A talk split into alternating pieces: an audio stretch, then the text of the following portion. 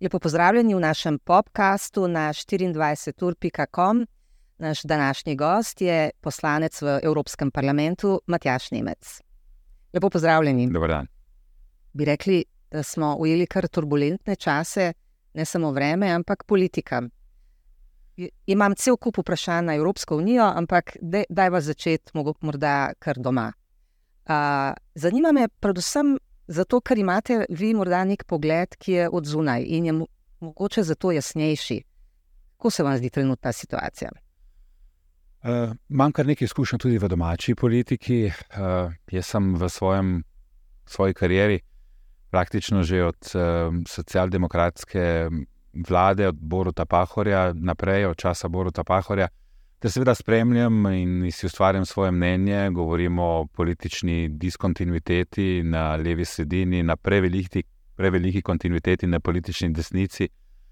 Te seveda vsakeč znova, že zadnjih 15 let, se zdi, da naša mlada demokracija se sooča z izjemnimi izzivi, ki niso povezani s kontinuiteto, predvsem kar se tiče levega političnega prostora. Ko gledam na dogajanje iz tujine, se mi zdi, da je to del, bom rekel, nekega notranjega političnega dogajanja, ki ne bistveno izstopa od nekaterih drugih držav. Seveda sem pa zaskrbljen zaradi tega, ker sem v prejšnjem obdobju, prejšnje Janševe vlade, veliko um, se angažiral, bil sem predsednik Komisije za nadzor obveščevalnih varnostnih služb. Mi smo uh, voljivcem uh, se zavezali in dali določene uh, obljube, tukaj, predvsem, ko govorim o policiji in o varnostnih obveščevalnih službah, kaj bomo naredili, kako bomo depoliti depolitizirali. Morda se lahko opredelite. Uh, jaz bom. Tjana Bobnar, uh, predsednik vlade. Bom odgovoril na podlagi svojih lastnih izkušenj. Tatjana Bobnar je um, pravnica, kriminalistka, karjerna policistka, prva ženska, ki je zasedala mesto namestnice direktorja policije, prva ženska, ki je zasedala mesto direktorice policije in prva ženska, ki je apolitična ministrica. Torej se vam zdi, da ne laže. Gospa Bobnar je, ko govorimo o depolitizaciji, bila sama deležna izjemnih pritiskov sa strani prejšnje oblasti. In če kdo v tej državi ve, kako strežiti eh, v skladu z zakoni, da se ustvari sistem, ki bi se organiziral na način, da noben ne noten, ne zunanji vpliv ne bo deloval na njegovo delovanje, je to ona. Zato mi dovolite, preso, dovolite to presojo. Um, težko, um, težko bi rekel, da oseba uh, ne bi vedela, kako se streže tem zadevam. Glede na vse, kako se stranka, vaša stranka počuti v koaliciji ta hip? Vse uh, leve uh, koalicije imajo izjemen privilegij, vsakič znova. In to je bojazen pred ponovno vlado Jana Zajanša, ki je roko na srce vsakič znova hujša in vsakič znova poseže, bom rekel, po nekih svoboščinah, in to je tudi dokaz zadnja, tretja Janševa vlada. To je izjemen privilegij. Po drugi strani nas dana situacija spravlja v nelagoden položaj, kajti nekatera početja in nekatere afere nas spominjajo prav na zadnjo Janševo vlado. In seveda, na nek način eh, je treba biti zelo odmirjen v kritikah, kajti lahko si deležen očitka, da rušiš lastno vlado, kar ni res. Mi, če kdo bi si želel, da bi ta vlada uspešno delovala, smo prav partnerji. Predsednik vlade ne odpušča, rekli, kritičnih eh, besed, se vam zdi. Predsednik vlade upam, da bo spremenil svoj slog vladanja. Zaradi tega, ker če ne bo, bo potem tudi ta vlada se izkazala kot, bom rekel, tista, ki je za novimi obrazi bila ponovno uh, neuspešna. Gre bolj za slog ali za vsebinske stvari, tudi razhajanja? Um, jaz mislim, da pri vsebinskih zadevah imamo dovolj zrelosti, politične zrelosti, tako levica, socialni demokrati in gibanje Svoboda. Eh, da bi lahko vsebinsko sledili tistim, tistemu zemljevidu, ki se mu reče koalicijska pogodba. Eh, mi zaznavamo določen odmik tudi od tega, seveda, razumeti je potrebno, da so zunanji vplivi, govorimo o ujmi, drastično posegli v tisto, kar je bila neka slika, tudi finančna naše države, ampak ne glede. Tisto, kar nas v tem trenutku zelo bega, je predvsem čisto človeški odnos, ki ga ima predsednik vlade, ne do partnerjev, ampak svojih svojih kolegov. Ampak rašlo nezadovoljstvo znotraj vaše stranke pa je. Ne? Seveda, mi smo kot deležni rezov 4% linearno na področju praktično vseh ministrstv. Um, mi bi želeli, seveda, da bi se poudarek dal uh, večji sociali, na prvem mestu zdravstvo, to je rak rana naše družbe, ter seveda, da bi pripravili naše gospodarstvo, da bi bilo tukaj uh, inovativno, da bi bilo konkurenčno. Ampak moram reči, da smo, vsaj kar se tiče dela naših štirih ministrstv, če mi dovolite, ta, ta Tanja Fajon opravlja izjemno delo kot ministrica za zunanje zadeve. Mi smo deležni kar nekaj uspehov tudi na mednarodnem, bom rekel, področju, ko govorimo o Združenih narodih. Ministr Han s 670 milijoni za inovacije je dejansko posegel v neko pomembno injekcijo, tudi za milijardo 200 s prijetnim zakonom, kot odgovor na, na, na, na um, bom rekel, um, energetsko krizo.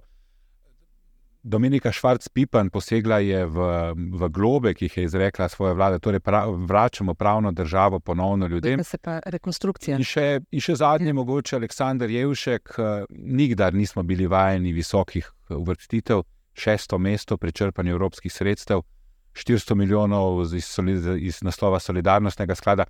Težko, ja. težko bo uh, premijer Golob, socialni demokrat, karkoli očital ko smo ravno pri tem v Bruslju, smo poslali zelo visoke številke.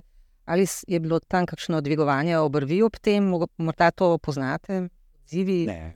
Je to normalno? V kontekstu dogodkov, ki so se odvili in v smislu interpretacije financ v evropskem merilu, 10 milijard ne pomeni toliko. Pomembno je, da smo pri teh eh, številkah realni, točni, zanesljivi um, ter seveda, da čim prej izpeljemo to tako imenovano obnovo, ki temelji na dveh strbrih, ne samo na urgentnem delu, ampak tudi na tistem, ki bo zagotavljal, da bo se ti dogodki, da se bodo ti dogodki, okolikor se bodo odvijali, in najverjetneje se bodo.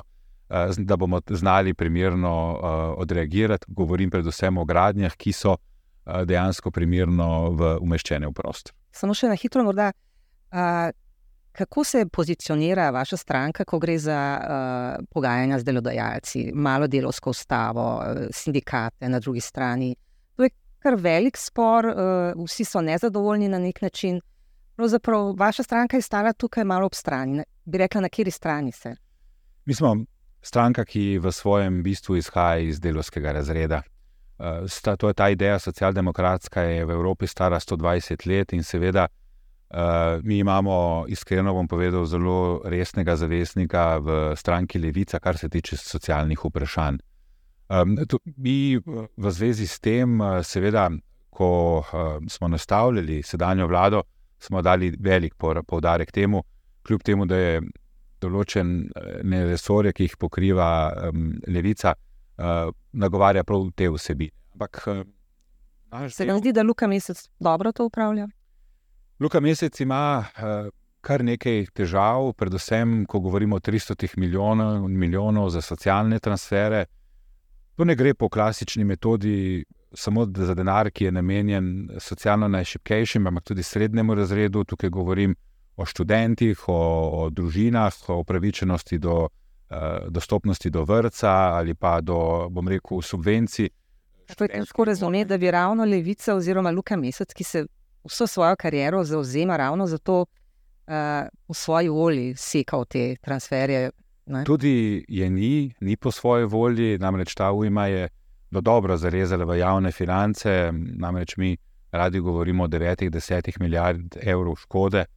Um, tisto, kar je bilo dobro storjeno, je se strani Ministrstva za gospodarstvo ne mudoma izplačanih 32 milijonov evrov za, za pomoč gospodarstva. To je ministrstvo, ki ga vodi kolega Han. Na področju sociale, seveda, je potrebno pomagati našim kolegom, zato da se naredi nekoliko več, kajti to ne gre samo za odgovornost uh, levice, ampak tudi socialnih demokratov in celotne vlade. Mislim, da, ja, da bi skup, ta skupen blok bi lažje prišel. Ker, kot sem brala, so bile uh, v bistvu želje, da se zmanjšujejo te transferi že veliko predujmo in da je to pač bila želja finančnega ministrstva ki se boji, da bi mogoče preveliki transferi uh, spodbujali ljudi, da ne delajo. Veste, te klasični, klasični pomisleki, ne? ki so bolj pomisleki desnice. Ne, ne smemo populistom dovoliti, da bi marginalizirali to vprašanje. Namreč nekaj resnice je v tem, da moramo vzpostaviti sistem, ki bo spodbujal posameznike eh, k iskanju zaposlitve, po drugi strani pa tistim, ki jim je to neomogočeno zaradi fizičnih ali pa katerih drugih omejitev, da lahko um, dostojno živijo. Um, družba je bogata, toliko, kolikor je bogat, oziroma eksistencialno se lahko preživi njen naj, naj, najšipkejši. Te številke, ki jih imamo, nezaposlenosti, praktično pomeni, da so vsi zaposleni. Ne? Ker ta mali odstotek pomeni, da te ljudje se nikoli ne bodo. In za njih bi morala družba skrbeti brez vprašanj, brez težav. Zdaj me zanima, da malo preneseva vseeno na Evropsko unijo, pa kar nadaljujeva s tem. Se vam zdi, da je v tem smislu Evropska unija dovolj socialna? Um, socialna je. Mi smo v tem mandatu dosegli, recimo, uveljavitev instituta minimalne plače, kar v Sloveniji je bil standard, moram tukaj reči, tudi na račun ali pa predvsem na račun socialnih demokratov v preteklosti, da so upeljali ta institut. Po drugi strani se skozi zelene politike, zeleni preboj daje velik podarek tudi socialnim politikam. Torej, kako narediti gospodarstvo konkurenčno, ki bo zeleno in dejansko omogočilo tudi neko socialno pravičnost. Mi smo druga največja politična skupina uh, v Evropskem parlamentu in v evropskih institucijah, posledično. Uh, in moram vseeno, kljub vsem izzivom tega mandata, priznati, da nam je uspelo kar nekaj socialnih politik uveljaviti v Evropskem parlamentu in evropskih institucijah. Ker pogosto se pa čuti ne, vpliv uh, kapitala, multinacionalk, uh, to strašno lobiranje. Naprimer, tudi ko gre za zelene politike, ohranitev glifosata, recimo glasovanje v čistem zraku. To, recimo, slovenski poslanci ste bili razdeljeni v bistvu na polovico. Ja. Polovica je glasovala za, polovica proti. Čutite nekak, nekako se ogrožene od tega, od tega močnega lobiranja? Ali mislite, da se lahko zoprstavite kot vaša politična skupina, ki je morda verjetno še nekaj zelene. Tako, ja. um, Bruselj je vozlišče registriranih lobistov. Jaz sem imel samo eno izkušnjo v svojem mandatu uh, in še to po naključju, um, in se izogibam registriranih lobistov, zelo rad pa spremljam nevladne organizacije. Um, po tem načelu mislim, da moji kolegi iz moje poslanske skupine delujejo. Um, seveda, eh, tukaj prevladata pri naših odločitvah predvsem trije interesi svoj osebni političen pogled, drugi je svoj uh, uh, strankarski politični pogled na evropskem nivoju, ter seveda nacionalni interes. In mislim, da čisto vsi kolegi iz Slovenije v Evropskem parlamentu se na, na tak način tudi odločajo pri svojih glasovanjih. Glasuj, ja. Se pravi, da glasujete pa zelo različno, ne? da so ti osebni. Ja. Različni sicer moram reči, da za razliko nacionalnega parlamenta, tukaj smo nekoliko bolj složni. Imamo vseeno v vidu, da prihajamo vsi iz Slovenije. Mogoče nekoliko izstopata pri glasovanju kolega iz SDS, ki izstopata eh, tudi po glasovanju od svoje lastne politične skupine, predvsem, ko govorimo o vprašanjih vladavine prava v navezavi z sosednjo Mačarsko in z predsednikom Orbanom. Pri ostalih vprašanjih, eh, seveda, so se razlikovala, predvsem ko se dotika socialnih in zelenih politik, um, ampak ko se le da, poskušamo tudi, eh, ko govorimo o nacionalnem interesu, le zagovarjati slovenski glas v parlamentu. Vaša skupina je imela kar velik problem zaradi korupcije. Ne? To je bila velika afera zaradi grške poslanke. Zanima me, čisto tako, ste tudi vi imeli kakšno podobno izkušnjo, da vas je kdo pristopil do vas s kakšnimi, bi rekli, nespodobnimi ponudbami? Um, jaz, ko sem prišel v Evropski parlament, sem se ne mudoma seznanil z kako krhkimi, krhkimi varovalkami uh, dejansko upravlja Evropski parlament. Za razliko od, Evrops od slovenskega parlamenta, ko smo dejansko za svojimi uh, uh, rekel, prijavami dolžni vsaki stik uh, tudi uradno zabeležiti. Um, ne samo svojo politično skupino, ampak tudi nekatere vodilne, kot je predsednica Evropskega parlamenta, se je marsikakšna neušečnost dotaknila. Tisto, kar je ključno v takšnih primerih, je, kakšna je reakcija in česa, kaj smo se od tega naučili. Um, iz strani socialistov in demokratov smo ne mudoma izključili vse tiste, ki so upleteni. Ugotovilo, ugotovilo se je, da gre za relativno zaprt krok um, ljudi. Um, Tako da v tem primeru ne boste verjeli, bi lahko Evropski parlament vzel za zgled državni zbor. A, bila, ena izmed upletenih poslank iz Grčije je bila tudi podpredsednica parlamenta. Ne? In takrat ste med, mislim, da osmimi kandidati, tudi vi bili na tej listi morebitnih kandidatov, pa potem se ni sicer išlo, je uh, zmagal kandidat iz Luksemburga, ki je tudi mala država. Zanima me pravzaprav uh, ta ambicioznost slovenskih poslancev v parlamentu. Vi, ste, vi imate kar nekaj funkcij. Ne? Ste prvi vodja neke skupine, to je za sodelovanje z Magrebom. Pomembna skupina, če gledamo na to veliko vprašanje migracij. Mm -hmm. Bili ste tudi persona non grata uh, za vstop v Tunizijo. Ne? Mogoče je neka čast na nek način lahko. Dogodek uh, povleče, bom rekel, neke, uh, neke, neke smernice za naprej. Dogodek, ko govorimo o tem Katar Gateu, ki ima posledice zelo velike in usoda je želela ali pa priložnost, da se tudi jaz, ali pa predvsem jaz, uh, moram s temi stvarmi ukvarjati. Um, jaz sem bil počaščen, da so kolegi me predlagali. Sveda, realno gledano, od prvega trenutka je težko, da nekdo, ki je v parlamentu leto pa pol, uh, dejansko je izvoljen na tako pomembno funkcijo. Po drugi strani so se mi odprle mnoge poti. Um, tukaj ne gre za neko ambicioznost, kajti v slovenskem prostoru ima to relativno negativen predznak. Ampak predvsem gre za to, da se uh, v svoji funkciji angažiram po svojih najboljših močeh, tako doma kot v Evropskem parlamentu. Jaz sem tudi član predsedstva socialistov in demokratov, torej Evropskih so, socialdemokratov. In um, sem poznal že te, bom rekel, ta mednarodni parket zaradi prejšnjih funkcij kot podpredsednik uh, državnega zbora in tudi predsednik odbora za zonanjo politiko. Tisto, kar je pomembno, je, da svoja poslanska skupina vidi v tebi nekoga, ki bi lahko določene stvari spravil na mesto. Jaz sem um, zaradi, tako mi je bilo rečeno, svojega dobrega dela, jaz sem tudi eden od dveh predstavnikov Evropskega parlamenta za Zahodni Balkan. Ko sem jaz prišel v Evropski parlament, sem mogoče zato, ker sem slovenec, ker poznam jezik, nekoliko spremenil slog dialoga z, bom rekel, našo soseščino na Zahodnem Balkanu, tudi zaradi tega, ker je to na nek način tudi um, položeno v zibelko. Eh, mene je poklicala v pisarno vodja, predsednica socialistov in demokratov v Evropskem parlamentu in me vprašala, če se čutim sposobnika, da uredim te zadeve. O čem govorim, eh, mogoče slovenski javnosti nekoliko malo daljni problemi, ampak um, um, magre pregija. To, je, to so pet držav, od Tunizije, Alžirije, Libije, Maroka in Mauretanije so za marsikatero evropsko državo bistveno večjega pomena kot je recimo Zahodni Balkan. Toliko, da znamo nekoliko ovrednotiti pomen teh regij iz različnih razlogov, ali ne si bo zgodovinski.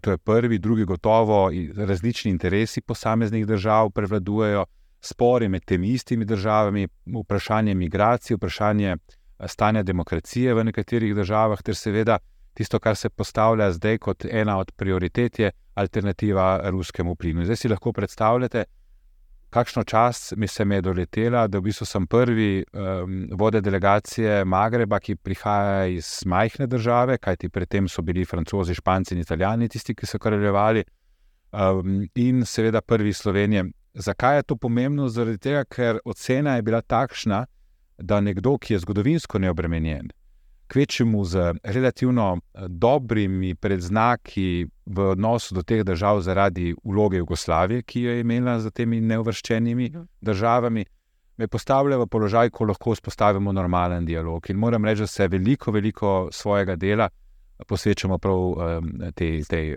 tem državam.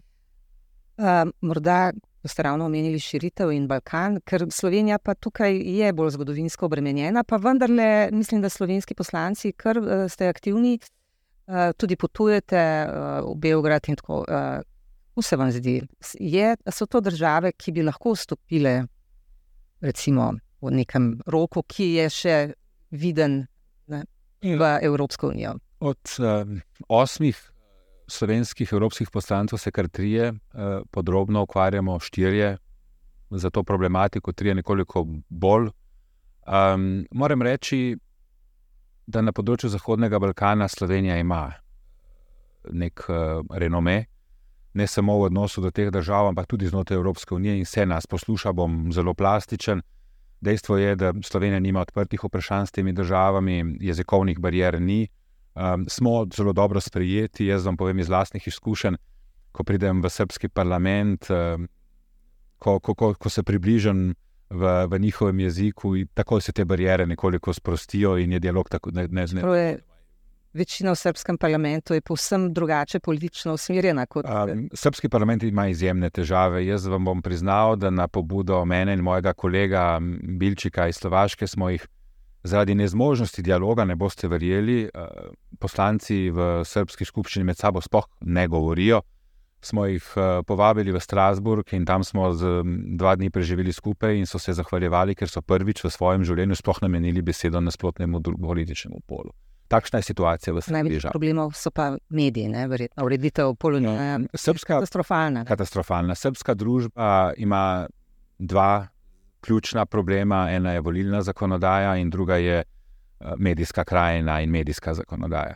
Evropska unija poskuša vplivati, tudi eh, nekatere države, članice imajo kar precej težav, tudi v Sloveniji smo se izognili tem težavam v preteklosti in iz tega izhaja prvič v zgodovini, da Evropska unija diktira tempo na področju ureditve medijske zakonodaje. Zato smo v Evropskem parlamentu in tudi v evropskih institucijah v fazi sprejemanja Media Freedom Act, kar bo ključno uh, obvaroval uh, medijsko krajino pred političnimi ali pa finančnimi vplivi. Ste optimistični? moram biti po svoji naravi sem, zaradi tega, ker si ne predstavljam uh, Slovenije uh, v kakršnem drugem krogu kot v evropski družini. Zakaj je to pomembno, ne samo za vseh, za vseh benefitov, ki imamo, ne samo finančnih, ampak prostega pretoka telefonskih pogovorov, ki so nam omogočeni širom Evrope, ali pa kljub težavam s Schengenom, prosto potovanje. Ampak tisto, kar je zelo pomembno za slovence, je to da so naši predniki sanjali o tem, da bi imeli svojo državo. Svojo državo imamo. Nihče si ni upal sanjati o tem, da bo ta država mednarodno uveljavljena, ki bo čez nekaj mesecev celo članica Varnostnega sveta Združenih narodov. In biti v družini 500 uh, uh, milijonov evropejk, um, kjer se lahko govori v evropskih institucijah, uh, institucijah slovenski jezik, slovenščina je ena od 24 uradnih jezikov, je mislim, da nekaj, za kar se velja boriti. Mimo grede, se vam zdi prav, da bi katalonščina postala? Um, jaz ne, ne bi imel s tem nobenih težav, vem, da pobude so in se premikajo. To spadajo tudi v sklop dogovorov o novi španski vladi, ki uh, jo je in upam, da jo bo vodil tudi soci, socialist Sanchez v sodelovanju z katalonci. Mi pa imamo pri tem vprašanju, ko govorimo o Sloveniji, en poseben odnos do kataloncev. Sej za to. Schengen ste omenili, je Schengen konec, kaj bi rekli, na nek način, de facto. Um, poteka reforma, ki se je enkrat že, uh, ta, ki so se ti pogovori že zalomili v letu 2018. Uh, tisto, kar pogrešam, je recimo na najvišjem političnem evropskem nivoju, sa strani predsednice komisije, da bi dala temu večjo pozornost um, je povezana tudi z spremembo migranskega paketa, torej te dve, te dve vprašanji sta povezani. Jaz se zelo angažiram, kar se tiče Schengna, ne samo zaradi, uh, bom rekel, našega koroškega štajerskega konca in uh, že osemletno nepre, pro, neprepustnost naše severne meje. Ampak tudi zaradi tega, ker verjamem v to, da to ni rešitev za migracijsko krizo. Schengen pa je uh, ena od pomembnejših pridobitev Evropske unije, prosti pretok. Uh, torej, uh, če bomo uspeli, in to je zelo pomembno, do tega mandata, do konca tega mandata sprejeti paket um, sprememb, kar se tiče um, migrantskega sprejema, sprejema migrantov, in na drugi strani Schengena, potem bo obvarovan.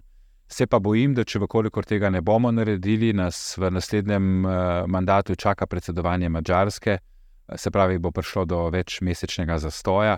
Tako da se resnosti, mislim, da vsi odločevalci zelo zavedajo. Migracije bodo gotovo ena najpomembnejših tem, ki bo ločevala v predvolilnem uh, spopadu. Pričakujete veliko tudi euroskepticizma, pomika celotne bi rekla, držav Unije proti desni zaradi tega vprašanja? Mislim, da ima tudi politična levica več argumentov za to. Uh, živ primer. Uh... Vendar, samo da ste zadovoljni, kako Slovenija trenutno rešuje. če beremo vsaj nevladne organizacije, ki se veliko s tem ukvarjajo, uh, govorijo, da je enaka katastrofa kot prej, da je slabo, uh, mogoče na nek način celo slabše, ker se uh, pozicionirajo vsi imigranti okoli Ljubljane, se ne razprašujejo po Sloveniji. Ne Slovenija, ne Nemčija, ne Španija tega problema same ne morejo odpraviti. Zato od leta 2016 potekajo uh, pogajanja, večkrat so se tudi zaustavila o tem, kako rešiti ta problem. Um, zdaj smo tik pred tem, da bi ga lahko. Zato je pomembno, tukaj gre več uh, za več vprašanj o prerasporeditvi, o načinu sprejemanja imigrantov uh, ali pa za vračanje imigrantov, kdo so imigranti, kdo je, kdo je upravičen do tega. Um, nekoliko je spremenila pogled nekaterih držav, kot je Poljska, recimo ukrajinska kriza in seveda uh, rek, vrak je že šalo, uh, je dejansko dobil svoj prostor tudi v, v, v političnih bruselskih sobanah. Um, Slovenija ravna po svojih najboljših močeh in tudi to ni problem samo Evropske unije, ampak predvsem držav izvora, um, ne samo Severa Afrike, ampak podsaharske Afrike, Bližnjega vzhoda. Ne vam samo orišem sedanjo situacijo. Mi smo bili deležni izjemno hudega potresa v Maroku, izjemno obsežnih poplav v Libiji, imamo ponovni velik konflikt v Bližnjem vzhodu, ter seveda potres v Afganistanu. Niso obet za to, da bi se ti migracijski toki sami po sebi tudi zaustavili. Torej, bi rekla, da desnica ima eh, lahko nalogo. Desnica uporablja eh, par stavkov, ne, ki že vse leta, levica pa na, se, je nekako občutek, da ne najde pravih, ravno tako jasnih in kratkih uh, odgovorov. Mogoče se dela na tem, za te mesece, ki uh, nas čakajo. Za populistov je znano, da za kompleksna, kompleksna, kompleksne probleme najdejo enostavne rešitve. In to na način, da za lahkoto, v, v, zaradi problema, ki je, kažejo na najranljivejše, najšipkejše. Že ne delujejo. Ne? Tisto, kar razbija ta mit, je ravno početje v Tuniziji. Namreč Giorgia Meloni in njena najbolj desna vlada v Italiji je skušala reševati ta problem zaradi Lampeduze in zaradi tega, ker je zaradi bližine Italije in obljub, ki so jih dali, je Italija deležna izjemnih, izjemno močnih, velikih migranskih tokov.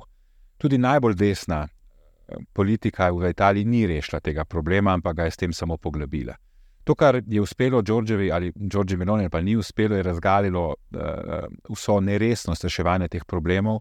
Đorđa Meloni je pripričala uh, tako predsednico von der Leyen, ki je bila kasneje deležna izjemnih kritik v Bruslu, in nizozemskega liberalnega premijeja Ruteja, da dejansko si kupijo mir na način, da zdaj lahko že rečemo nekoč uh, rešitelju uh, tunizijske ustave, danes avtokratu, ki vodi tunizijsko državo preprosto uh, plačajo, zato da bi zadržal uh, te imigrante, kljub temu, da to počnejo na nehuman uh, in nečloveški način. Um, s tem so se te politike v prah sesule in razgalilo vso bedo populističnih politik. Na tak način se teh problemov ne rešuje. Uh, da vas vprašam, že lahko potrdite, da boste kandidirali za uh, volitvah? Um, Jaz sem najdel v Bruslu en zelo dinamičen prostor, kjer me zelo stimulira vsaki dosežek, ki ga skupaj z ekipo in za stranko dosežemo, me samo krepi v prepričanju, da je moč spremeniti. Jaz sem, ne verjamem mitom, da zato, ker prihajamo iz majhne države, ne moremo zasedeti pomembnih položajev ali pa premikati uh, velikih. Uh, Pričakujete znotraj stranke, pa spopade. Uh, ne, uh, mi, to je privlačno. Privlačno se sliši ja. popad, ampak če mislite. Popad. Privlačno se sliši položaj poslanca, um, zgleda, da vedno bolj. jaz sem okusil uh, položaj tudi uh, poslanca v slovenskem parlamentu. In bom zelo iskren, ko se, sem zelo razmišljal o tem, ali sploh se podati v Bruselj ali ne. Jaz namreč dajem prednost svoji družini pred uh, kariero in se mi je zdelo, da bom dejansko posegel v neko družinsko življenje, s tem, ko bom moral neprenehno biti na poti. Ko govorimo o privlačnosti, edina prava privlačnost, ki jo vidim, je širok diapazon izzivov in bom rekel bolj spoštljiv odnos, ki ga gojimo drug do drugega v Evropskem parlamentu iz mnogih razlogov. Mi zastopamo države in narode, ki so bili v preteklosti iz, v, v konfliktih in živimo v 80-letnem miru, in se zavedamo, kako pomembno je ohranjati Evropsko unijo v svoji moči in krhkosti. Se pravi, da je ta dialog bistveno boljši, torej delovne, delovno ozračje, delovno okolje bistveno. Uh, Mislim, da je visoki predstavnik, uh, najvišji, verjetno, uh, ni Slovenija, ampak uh, Matjaš Grudan. V, uh, ja. Ja, da je nekoč zapisal uh, v nekem komentarju uh, vse kritike fino Evropske unije, vedno pa bi morali pomisliti, kaj je alternativa. Glede na zgodovino Evrope, ki je zanetila dve grozljivi svetovni vojni. Ne? Zdaj pa že desetletja, tudi zaradi tega, uspeva uh, živeti v miru. Ne? V prvi vrsti je Evropska unija projekt miru, v drugi vrsti je projekt sodelovanja in gospodarskega sodelovanja, kar tudi povzroča, bom rekel, nek neskrbi v, v, v, tem, v tem miru. Tisto, kar je ključno uh, za manjše države, je, da obstane Evropska unija in da se njo še okrepi. Jaz sem, prihajam iz Slovenije, zelo milijonskega naroda, torej spadamo med, med manjše države, obstajajo še manjše, ampak smo enako vredni. In je samo od naših zmožnosti in sposobnosti iznajdljivosti odvisno, koliko smo slišani v evropskih institucijah. Eh, samo, če mi je dovoljeno še to, predsednik vlade Republike Slovenije ima enako vreden glas za predsednikom vlade Španije, Italije, Francije in drugih večjih držav. Mi smo eh, nadzastopani, kar se, kar se tiče števila evropskih poslancev na prebivalca od recimo večjih držav, Nemčije. Mi bomo za naslednjim mandatom imeli kar devet evropskih poslancev. Torej, uh, Slovenija je uspela najti svoj prostor pod tem evropskim soncem. In tisto, kar je naše vodilo, je samo okrepiti Evropo eh, in Slovenijo znotraj nje. Ja, seveda, da eh, širitev Evrope pomeni tudi, da morda postane Slovenija neto plačnica, o tem se bo, bodo verjetno tudi razprave tudi negativne, tema bojo verjetno tudi vaše visoke, relativno visoke plače. Čisto tako me zanima. Plače so, kakršne so, verjetno, če bi bile nižje, ljudi ne bi zanimalo to delovno mesto. Ali se vam zdi, kljub temu, da vaši kolegi, da vsi zaslužijo to plačo? Ne, gotovo ne. Ne samo v Evropskem parlamentu, pa tudi v Slovenskem parlamentu. Mm. Um, zato so tudi ne vsi, ampak nekateri večinoma kaznovani s strani voljivcev. Um, jaz sem, imam nekoliko drugačno mnenje. Jaz sem okusil življenje v Bruslu in vam bom povedal, da recimo čisto normalno družinsko stanovanje v Bruslu me je stalo 2000 evrov, govorimo o najemni. Torej, jaz, ko govorimo o financah, za razliko od evropske slovenske politike, tukaj ne bi delal veliko razlik, ko govorimo o stroških. Um, če vključim še to, da sem nenehno na poti in da preživim več kot polovico tedna oddaljen od svojega otroka in svoje partnerke, uh, je to za me, meni to veliko pomeni. No. Zdaj, nekdo, ki ima verjetno starejše otroke ali pa jih nima, gleda to nekoliko drugače, ampak za me je bil, je bil to kar en, en vreden razlog za razmislek o svoji poti v Bruselj. Sveda, jaz, ko sem tam zaradi svoje narave, sem že kot slovenski poslanec nenehno užival v svojem delu in tudi s svojo ekipo z dneva in dan. Jaz, mi se hecamo na račun, da mi smo kot eno malo ministrstvo, mi sproduciramo, razmišljamo, se aktiviramo. Imam nešteto pogovorov dnevno z razno raznimi političnimi akteri, z diplomati, z ne, ne, nevladnimi organizacijami praktično svoje delo, ko sem v Bruslu in doma, poskušam opravljati na terenu in z ljudmi čim več. Tudi ko sem v Sloveniji, je za me zelo pomembno, da sem med ljudmi. Zakaj? Zaradi tega, ker jaz sledim enemu zelo pomembnemu projektu, ki ga želim tudi v Bruslu uh, izpostaviti. Jaz prihajam iz, um, iz Goriškega konca, odraščal sem ob, ob meji in sem doživljal v 90-ih letih, kaj pomeni biti ne in kaj pomeni biti član Evropske unije in Evropske družine in um, odpiramo problem 135 milijonov evropejcev, ki živijo ob mejah in ki zaradi različnih zakonodaj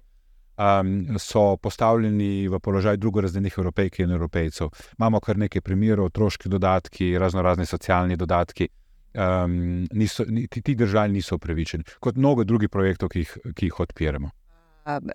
Vstopili ste v politiko pri, na nek način pri Borutu Pahorju, ne? kot uh, tajnik, potem asistent, Uh, kako bi danes ocenili njegov slog za nazaj, njegov slog uh, vladanja? V um, življenje vseh nas vstopajo in izstopajo zelo pomembni ljudje. Um, in Borod Pahor je gotovo bil zelo pomemben, eh, tako v kariernem, profesionalnem, kot tudi v osebnem smislu. Jaz sem se od njega ogromno naučil, uh, ogromno sem se naučil od njegovih dobrih lastnosti in slabih lastnosti. Poskusil sem se naučiti, katerih napak ne, ne počnem in katerih, katere prednosti ne v politiki izpostavim. Napake, um, težko, težko bi rekel, jaz, um, jaz sem za socialdemokrat. Moja družina je socialdemokratska, moje vrednote so socialdemokratske in uh, ne razumem odmika od teh vrednot, uh, ker jaz jih te vrednote živim, ne glede na to, ali sem na položaju ali nisem na položaju, to je slog življenja. Po drugi strani, uh, prednost je gotovo občutek za ljudi, uh, bližina ljudi. Zaradi tega, ker pri mnogih kolegih, eh, tisti, ki so mi bliže in tisti, ki so nekoliko politično oddaljeni, sem v svoji karieri videl, kako so izgubili stik z življenjem. Jaz sem odraščal v čisto poprečji družini, mati sem ohranilki, tudi jaz v svojem življenju sem imel svoje spone in pace, in od pacov sem se poskušal naučiti. Um, nisem imel briljantne mladosti, kar se tiče izobraževanja, sem pa bil vedno aktiven in delovan. In to me je zgradilo v to, kar sem zdaj s svojimi napakami in prednostmi. Imate kdaj občutek, da se na nek način prijaznost v politiki enači s praznostjo? Um, da to obide, da... um, veliko krat se to interpretira bolj kot prijaznost s šibkostjo. Jaz vidim veliko kolegov, ko se za neko distanco krepijo, bom rekel, predvsem svojo slabo samopodobo. Če si ti samozavesten, če imaš znanje, če imaš občutek za ljudi in da spoštuješ ljudi, potem ni nobenega razloga, da ne bi bil prijazen. In če mi je dovoljeno, ravno v teh dneh sem veliko razmišljal o dogajanju v slovenski vladi, kar se tiče odnosa do sočloveka in do svojih sodelavcev. In niste zadovoljni? Gotovo ne. Ti se lahko z nekom razideš, uh, strinjaš ali pa ne strinjaš, ampak človečnost nas dela ljudi. Uh, in na koncu dneva ali pa karijere se prej ali slej soočaš uh, sam s seboj. In takrat uh, vsi, vsak od nas, ne glede kaj počnemo v življenju, se prej ali slej soočamo s svojimi ravnanji. Vrnitev v domačo politiko vas torej vsaj kratkoročno ne zanima? Jaz sem kot podpredsednik um, socialdemokratov aktiven in deležen in prisoten tudi v slovenski politiki. Mogoče v svojem vsakodnevu ne, ampak preko stranke jaz so kreiram tudi svojo politiko um, mislim tudi politiko socialnih demokratov. Um, torej, ne čutim se izključenega, je pa res, um, da če želiš biti um, prisoten, viden, korekten, konkreten v svojem delu, moraš biti fokusiran na delo v Bruslu. Torej, greste na volitve.